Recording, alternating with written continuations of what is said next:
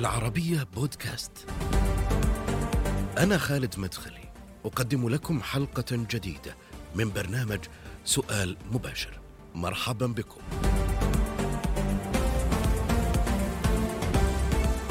امتطى صهوة جواد النقد والحداثة ليكون أحد أهم رموزهما في الوطن العربي مفتون باللغة العربية ويدافع عنها دائما أضحى مرجعا في النقد واللغة والفلسفة. آراؤه تكون كثيرا حادة ثابت كما يصفه الكثير في مجاله.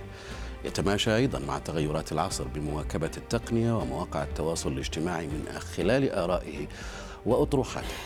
أستاذ النقد والنظرية في جامعة الملك سعود الدكتور عبد الله الغذامي في سؤال مباشر. حياك الله دكتور معي. المرة الثانية في سؤال مباشر. الله يبارك فيك. يسعدني والله. الله وأنا سعيد بتواجدي معك في هذا الحوار. دكتور خليني أبدأ معك من يعني حوار مؤخرا أجريته وتحدثت فيه عن فكرة الفعل ورد الفعل هذه الفكرة دائما ما تستخدمها في كل دراساتك كتبك آرائك حتى في تويتر دائما ما تضمن يعني كتاباتك هاتين المفردتين دكتور إذا ما طبقنا هذه الفكرة الفعل ورد الفعل على التيارات الإسلامية وعلى القومية كيف تقرأها داخل هذا السياق؟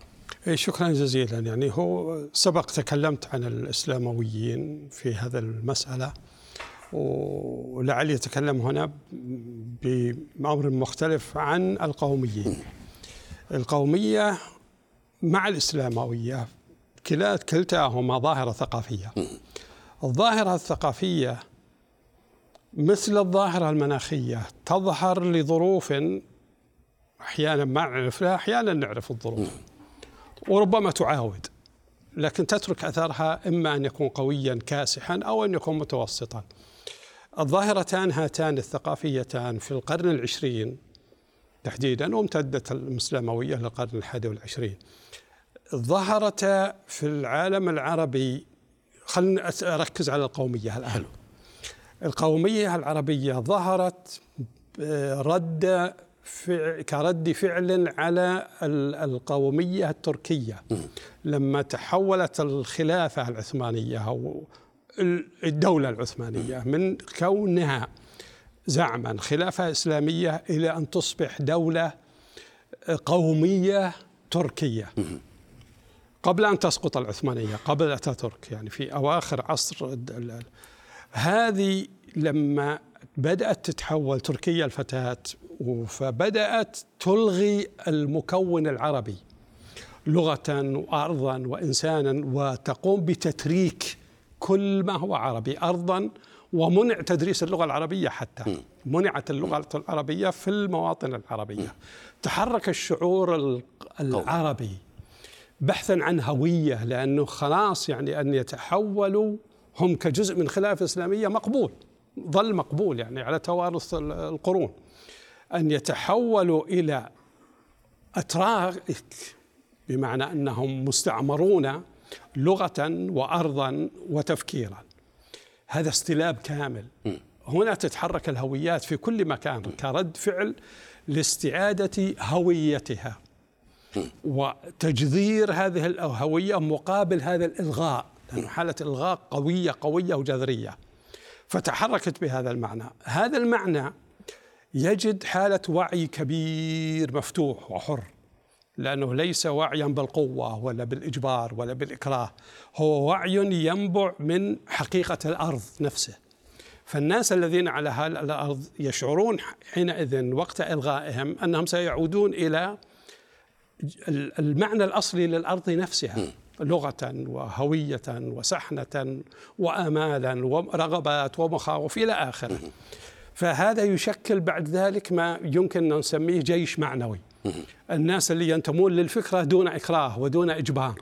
وهذول قوة قوية جدا لنشر الفكرة وبثها. حصلت مع القوميين وحصلت مع الإسلامويين الجيش المعنوي غير اللي نظامي متحزب أو منطوي. المنظم. أو مبايع المنظم.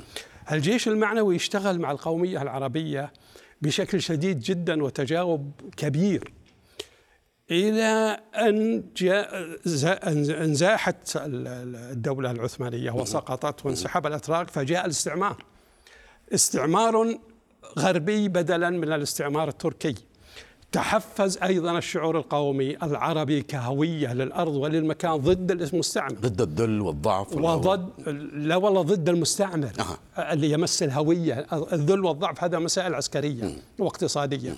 لا هذا معنى يتصل بالذهنية نفسها. بمعنى أن تكون أنت من أنت أو ما أنت. فظلت هذه مستمرة إلى أن تحول الوعي الحر إلى وعي مقيد. بمعنى الجبروت الرمزي نخليه. لما القومية القومية تمكنت من أن تحكم انتقلت من رد الفعل إلى الفعل. إلى اللي كان جيش معنوي ووعي حر إلى الفعل. بمعنى أنها صارت حكما وصارت سياسة. أبرزها طبعا ثورة 23 يوليو ثورة عبد الناصر وتبنيه للمعنى القومي. صنعت الرمز الآن الرمز الزعيم الأوحد. وهذا الرمز أصبح حاكم. يعني تدور عليه دورة كل شيء كل المعاني تدور من حوله. الحاكم مع الفكرة القومية العربية. ابتكروا فكرة الوحدة العربية. فكرة الوحدة العربية هي أهم مبتكرات القومية. لأن يعني من دون وحدة ما في قومية. تصبح وطنية كل وطن بذاته. صحيح. يريدون وحدة الوحدة معناه الوطن العربي الكامل. عالمي. ووطن كامل اسمه الوطن العربي. وهذا مصطلح جديد. وبدعة في الثقافة العربية كلها. لما كان في التاريخ كله شيء اسمه الوطن العربي. كانت المنطقة تسمى الشرق. يعني أحمد شوقي لما خاطب السوريين في نزاعهم مع الفرنسيين قال نصحت ونحن مختلفون دارا ولكن كلنا ولكن كلنا في الهم شرق شرقه قال عربه. وحافظ إبراهيم لما ذهب يبايع أحمد شوقي بإمارة الشعر قال آه، أمير القوافي قد أتيت مبايعا. وهذه وفود الشرق بايعت معي. ما قال وفود العرب. فالمسألة اسمها الشرق لكن القومية اخترعت فكرة الوطن العربي. الوطن العربي أساسها الجذري المعنى العميق لهذا المعنى هو الوحدة. من دونها ما فيه ما الذي حدث في الوحدة؟ تحركت سوريا وطرحت نفسها على مصر من أجل الوحدة وشكر القوات اللي تنازل عن رئاسة الجمهورية وعن كل شيء وقدم نفسه إلى عبد الناصر لكي تشتبك سوريا مع مصر في الوحدة. وسمي عام 58 هذا سمي شكر القواتلي بالمواطن العربي الأول. شوف المعنى الرمزي وين؟ إحنا كنا أنا كان عمري 12 سنة عام 58 يعني ما إحنا قادرين نستوعب فكرة العربي الأول. المواطن في حالة هوس. شيء لا يعقل شيء لا يعقل. كل واحد يتمنى أنه يصير له حتة من هذا المطار بعد ثلاث سنين أو أقل من ثلاث سنين هذا المواطن العربي الأول. شكر القواتلي المخلص لمعنى الوحدة والعروبة والقومية والمكافح من أجلها يوقع على خطاب بطلب الانفصال عن مصر. شوف انكسار الوحدة. شوف انكسار المعنى من عام 61 هنا الفعل أيضا دخل فيه فلا هي لا زالت بالفعل. بس المعنى انكسر. لو كان في حالة رد الفعل المعاني حتى وإن كسرت تناضل من أجلها لأنك أنت جزء من الجيش المعنوي الكامل. هنا لا في قيادة وفي قرار وفي آه، يعني خطة متعمدة الوحدة.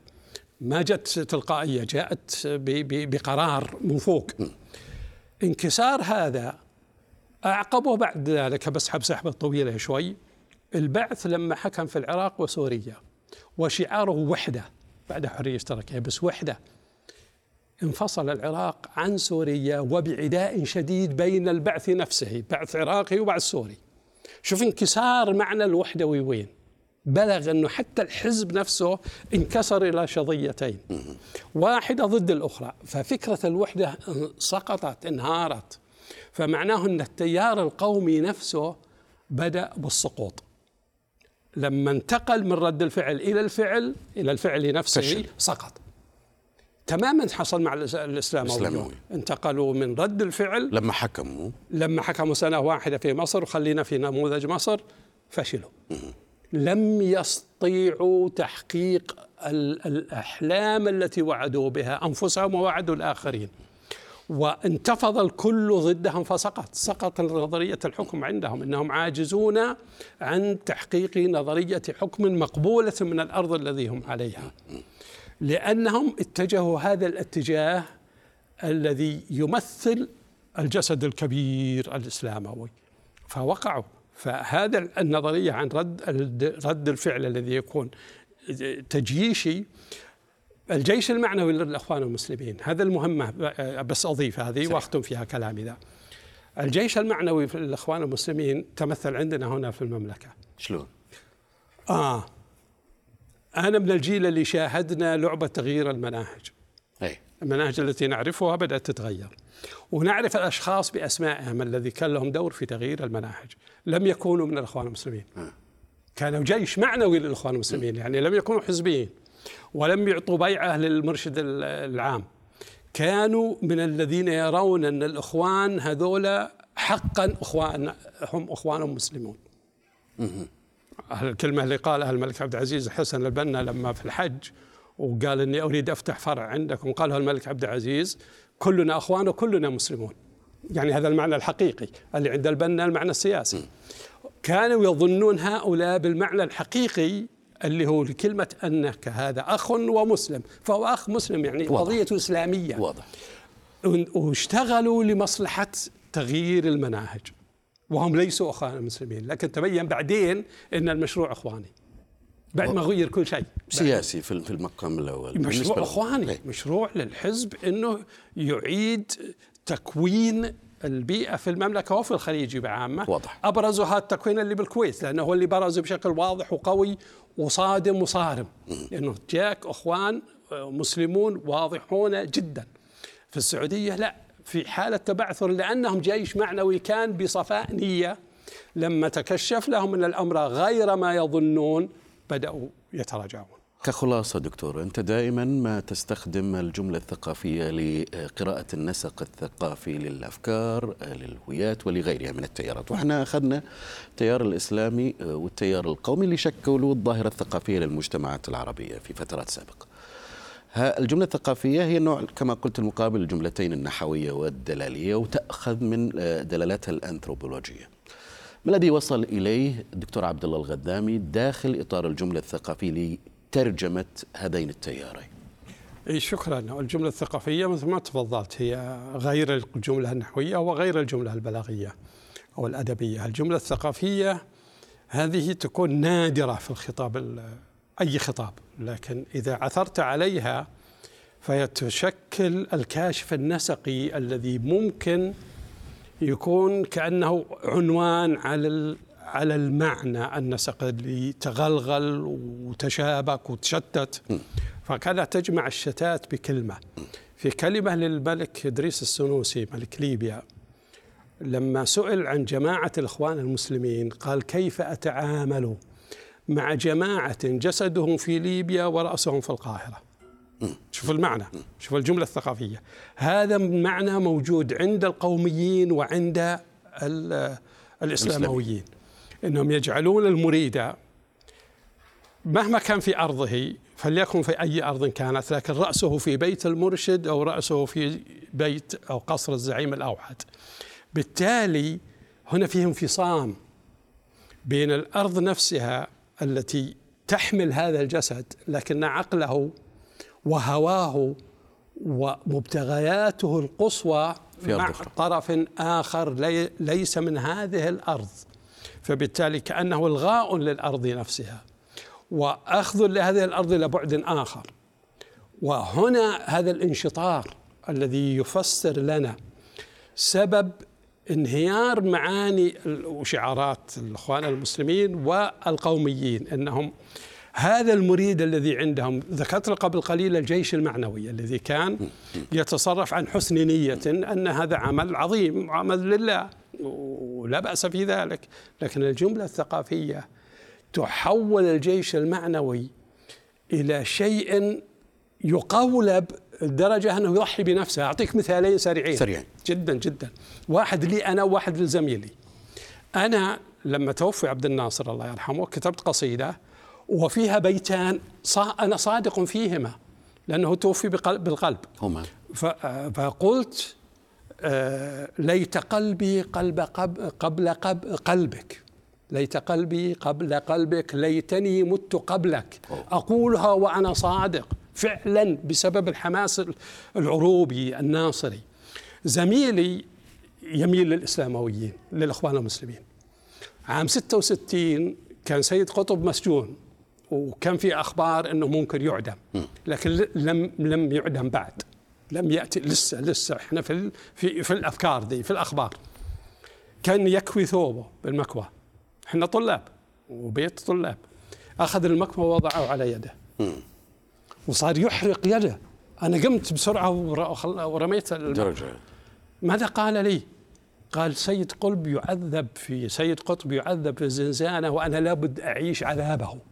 شوف حالة تحويل الجيش المعنوي إلى هذا الجسد الذي هنا رأسه في مكان آخر. هل الجملة الثقافية لإدريس السنوسي هو مجرد واحد ملك يهم أمر بلده يقولها كواقع إن كيف أتعامل مع ذولا جسدهم عندي ورأسهم في القاهرة. الآن إحنا في زمن بقايا الإخوان المسلمين. كل واحد من الإخوان المسلمين جسده في بلده ورأسه في بيت المرشد في مكان ما باسطنبول بالقاهرة بل يصير. وليس في مكانه هذا. هذا هو الذي جعلهم مناقضون لطبيعة الأشياء. طب وش مفهوم الوطن عندهم؟ سريعا دكتور؟ آه مفهوم الوطن هذه مهمة والله جدا. شكرا على هذا السؤال لأن ذا أيضا يتبع النقطة ذي أي. ويحسمها. سريعا. الوطن عند الإخوان المسلمين قالوها بصراحة إنه بدعة. الوطن والوطنية يعتبرونها بدعة. وهم يستندون هنا إلى الحزمة القوية للمفهوم الديني للبدعة. كيف إن البدعة ضلالة وكل ضلالة في, في النار. يحيلون هذه لذلك هم البطن الوطن عندهم بدعة. القوميون الوطن عندهم شبيه للبدعة ما استخدموا المصطلح ذا. لكنهم قالوا إن الحدود وهم وأنها من صناعة الاستعمار. ويجب إزالتها. المفارقة هنا أن الدولة الوحيدة في المنطقة العربية في الشرق الأوسط التي ليس لها حدود هي إسرائيل. إسرائيل هي الدولة الوحيدة التي لا حدود لها. بقية الدول العربية كلها لها حدود وحدودها تتسق مع معناها الجغرافي والأرض مع الأرض نفسها. آه، محمود درويش في قصيدته يخاطب إسرائيل اليهود ويقول خذوا أسماءكم وانصرفوا لنا في أرضنا ما نفعل. الأسماء لا تنتمي للأرض أصلا. امشوا أنتم أسماءكم. خذوها وارحلوا. لا لا تدفنون أنفسكم في أرضنا. لستم منها لا أنتم ولا أسماءكم. البلد الوحيد بالحدود إسرائيل هي إسرائيل. اللي هي العدو الحقيقي للقومية والقومية عدو حقيقي لإسرائيل الباقي الحدود اللي فيها طبيعية. خذ مثال عندنا إحنا حدودنا وكينونتنا السياسية بالمعنى الجغرافي السياسي عمرها ثلاثة قرون من عام 1927 خذ دول الخليج كلها الأسر الحاكمة من متى كانت؟ خذ العراق سوريا المغرب تونس كل هذه أوطان. والشعوب تآلفت. صحيح منطقة الشام سايكس بيكو قسموها إلى أربع دول لكن الدول الأربع الآن تعارفت على أن هذا الوطن السوري يقول هذه سوريا وطني اللبناني يقول لبنان الفلسطيني يقول فلسطين والأردني يقول الأردن ما يقولون أن الحدود ملغاة أقاموا هم الحدود وهم اللي يحمونها طيب. يحمونها بدمائهم لأنها وطنهم وعرضهم ف موقفهم من الوطن الوحد القوميون من حيث إلغاء الحدود الإسلامويون من حول القول إن الوطن بدعة. وسقط الاثنان لأنهما ضد الوطن ضد التركيبة الطبيعية لكل واحد منا وطنك بيتك ووجودك المادي والمعنوي وهل هو نفس السبب لفشل الوحدة الخليجية دكتور؟ آه. الاتحاد الخليجي آه، هل هو نفس السبب لفشل جامعة الدول العربية كذلك مسألة الوطنية؟ الجامعة العربية أصلا يعني أدت الدور اللي أصلا مناط بها يعني ما, ما نتوقع منها ما حد توقع منها شيء غير أنها بيت اجتماع للعرب يعني طيب. ورمزي لكن مجلس التعاون الخليجي هو الذي طرح عدد من المثقفين في منطقة الخليج فكرة الوحدة اتحاد. الخليجية الحقيقة أنا برأيي أنها ضد منطقة التاريخ ضد منطق الجغرافيا كل واحد له حدوده الوحدة تعني إلغاء الحدود إذا تقول أن الوحدة لا تعني إلغاء الحدود فاللي قائم من الآن هو وحدة. أنت ضد مسألة اتحاد الخليجي أو اتحاد الدول لا الخليجية؟ لا ضد في قرارها في سياسات. ضد ضد معنى. شوف المعنى المعنى خطير جدا. المعنى له رمزيته وله خطر الوحدة تعني إلغاء الحدود ولا ما تصير وحدة؟ إذا الحدود قائمة فاللي جالس وتعاون وتآلف مجلس التعاون الخليجي اسمه اسمه مجلس التعاون هذا المصطلح وهو مصطلح صحيح. هو المصطلح الطبيعي له. يحصل خلافات وكم حصل خلافات بين دول الخليج لكن استطاعوا احتواء الخلافات. سنة سنتين ثلاث أربع بس يظلون يستطيعون يحتوونها. ما يحصل انفكاك كامل لأنها لو كانت وحدة حصل انفصال زي ما حصل بين سوريا ومصر. لو كانت وحدة حصل انفصام وعداء مثل ما حصل بين العراق وسوريا. إلغاء فكرة الوطن وإلغاء فكرة الحدود معه أخيرا الأرض تنتقم لنفسها. وتهشم المعنى الذي ظن أنه مثالي وجيد وهو ليس كذلك. لذلك ما ما ممكن إحنا نشهد واقعيا شيء اسمه وحدة بمعنى إلغاء حدود. لا سبيل لذلك. أما التعاون يعني شوف الآن يعني التقارب ما بين السعودية والإمارات نموذج من أرقى النماذج في العالم العربي. لكن ما هي وحدة؟ كل واحد قائم بذاته وكل واحد يراعي مصلحته ويختلفون أحيانا على مسائل المصالح ثم يتفقون أو يظل الاختلاف وكل واحد فاهم الآخر. فهذا المعنى الذي والدول العربية حاولت أن تجسده وجابوا مجلس التعاون العربي اللي هو مصر والعراق وجابوا مجلس التعاون المغاربي. لم ينجح أي منهما لأن ما عندهم الإرادة والتماثل الذهني. واضح. فيما بينهم. عندنا إحنا تماثل ذهني. بين أنظمة الحكم وبين حال في دول الشعوب في دول الخليج. في دول الخليج. جيد. لكن في المناطق الأخرى ما حدث تماثل مماثل كي يقوم تعاون يستمر. دكتور أنت كتبت في الفلسفة آه، لك كتاب مآلات الفلسفة من الفلسفة إلى النظرية. أنا ما ودي أدخل في التعريفات وفي لأنه ما عاد عندنا وقت وفي مسألة يمكن أنت تطرقت إلى مسألة آه، أن الفلسفة لن تموت ولكنها تحتاج إلى تطوير والفلسفة وتحولها إلى نظرية. أنا ودي أسألك عن ما يحصل اليوم في السعودية. اليوم إحنا الفلسفة تدرس في في في في المناهج الطلاب في المرحلة المتوسطة والثانوية وكذلك في الجامعي. آه أنت كيف شايف هذا هذا التحرك اليوم في أي إطار تقرأه؟ إلى أي مدى يمكن أن نحصل أو ما هي مواصفات المنتج النهائي بعد ذلك؟ إذا خرجنا شخص درس درس فلسفة، وش اللي بيتغير فيه؟ والله هذا سؤالك مهم بالمرحلة هذه بالذات، طبعا أنا موقفي موجود في كتابي واعلنته كثير. إن الفلسفة بلغت حد التشبع الوظيفي وأصبحت على مستوى العالم. إما تكرر الماضي أو تعلن العجز. في أحد الكتاب البريطانيين نشر إحصائية عبر استقراء أقسام الفلسفة في الجامعات الغربية وقال 70% مما يدرس هو تكرار للمتون القديمة. استعادة كأنها حفظها وعشرين بالمئة هو تفلسف اللي هو الأستاذ لما يبدأ يعطي أفكار أو الطلبة يعطون أفكار يعني عملية تفلسف. هذه تسعين. والعشرة بالمئة هي للوعي الناقد المتجاوز لهذا كله. عشرة بالمئة بس. إحنا لما نجي الآن إحنا جينا في ذيل التاريخ فيما يتعلق في الفلسفة في نهاية الموكب. إن رحنا ماشيين مع نهاية الموكب في ذيل الموكب متى حنوصل؟ سيظل الموكب يمشي وإحنا وراءه. إذا نظرنا أن الموكب له رأس وتقدمنا نحن نحن بخط موازن يواكب الرأس. يعني فاحنا في الفلسفة الآن في مرحلة لسه في المؤخر. فلسفة ما بعد الحداثة. فلسفة ما بعد الحداثة هي نقد وتجاوز وتعديل وإعادة صياغة لكل المتون القديمة التي أصبحت تقليدية وأصبحت مدونة الموروث بكل أشكاله يعني. الفلسفي. إيه؟ لأن فلسفة ما بعد الحداثة تتعلق بالفلسفة التقليدية أنها أدت دورها وتشبعت وظيفيا وانتقلت إلى مفهوم النظرية النظرية التفاوضية.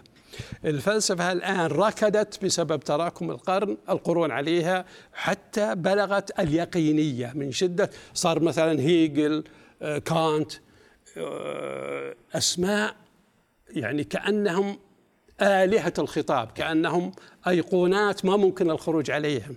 فوكو كتب مقولة أنه يكتب يعني بس مناخنا يساعد الخروج على الخروج عن عباءة هيجل. مناخنا يساعد على دراسة الفلسفة لأنه الفلسفة كما تقول على- لهذا السبب طرح الأسئلة طرح الأسئلة في كل شؤون أيوة، حياتك. إيه. هذا السبب الذي أقول. الوزارة أحسنت صنعا لما وضعت مقرر سمته التفكير الناقد.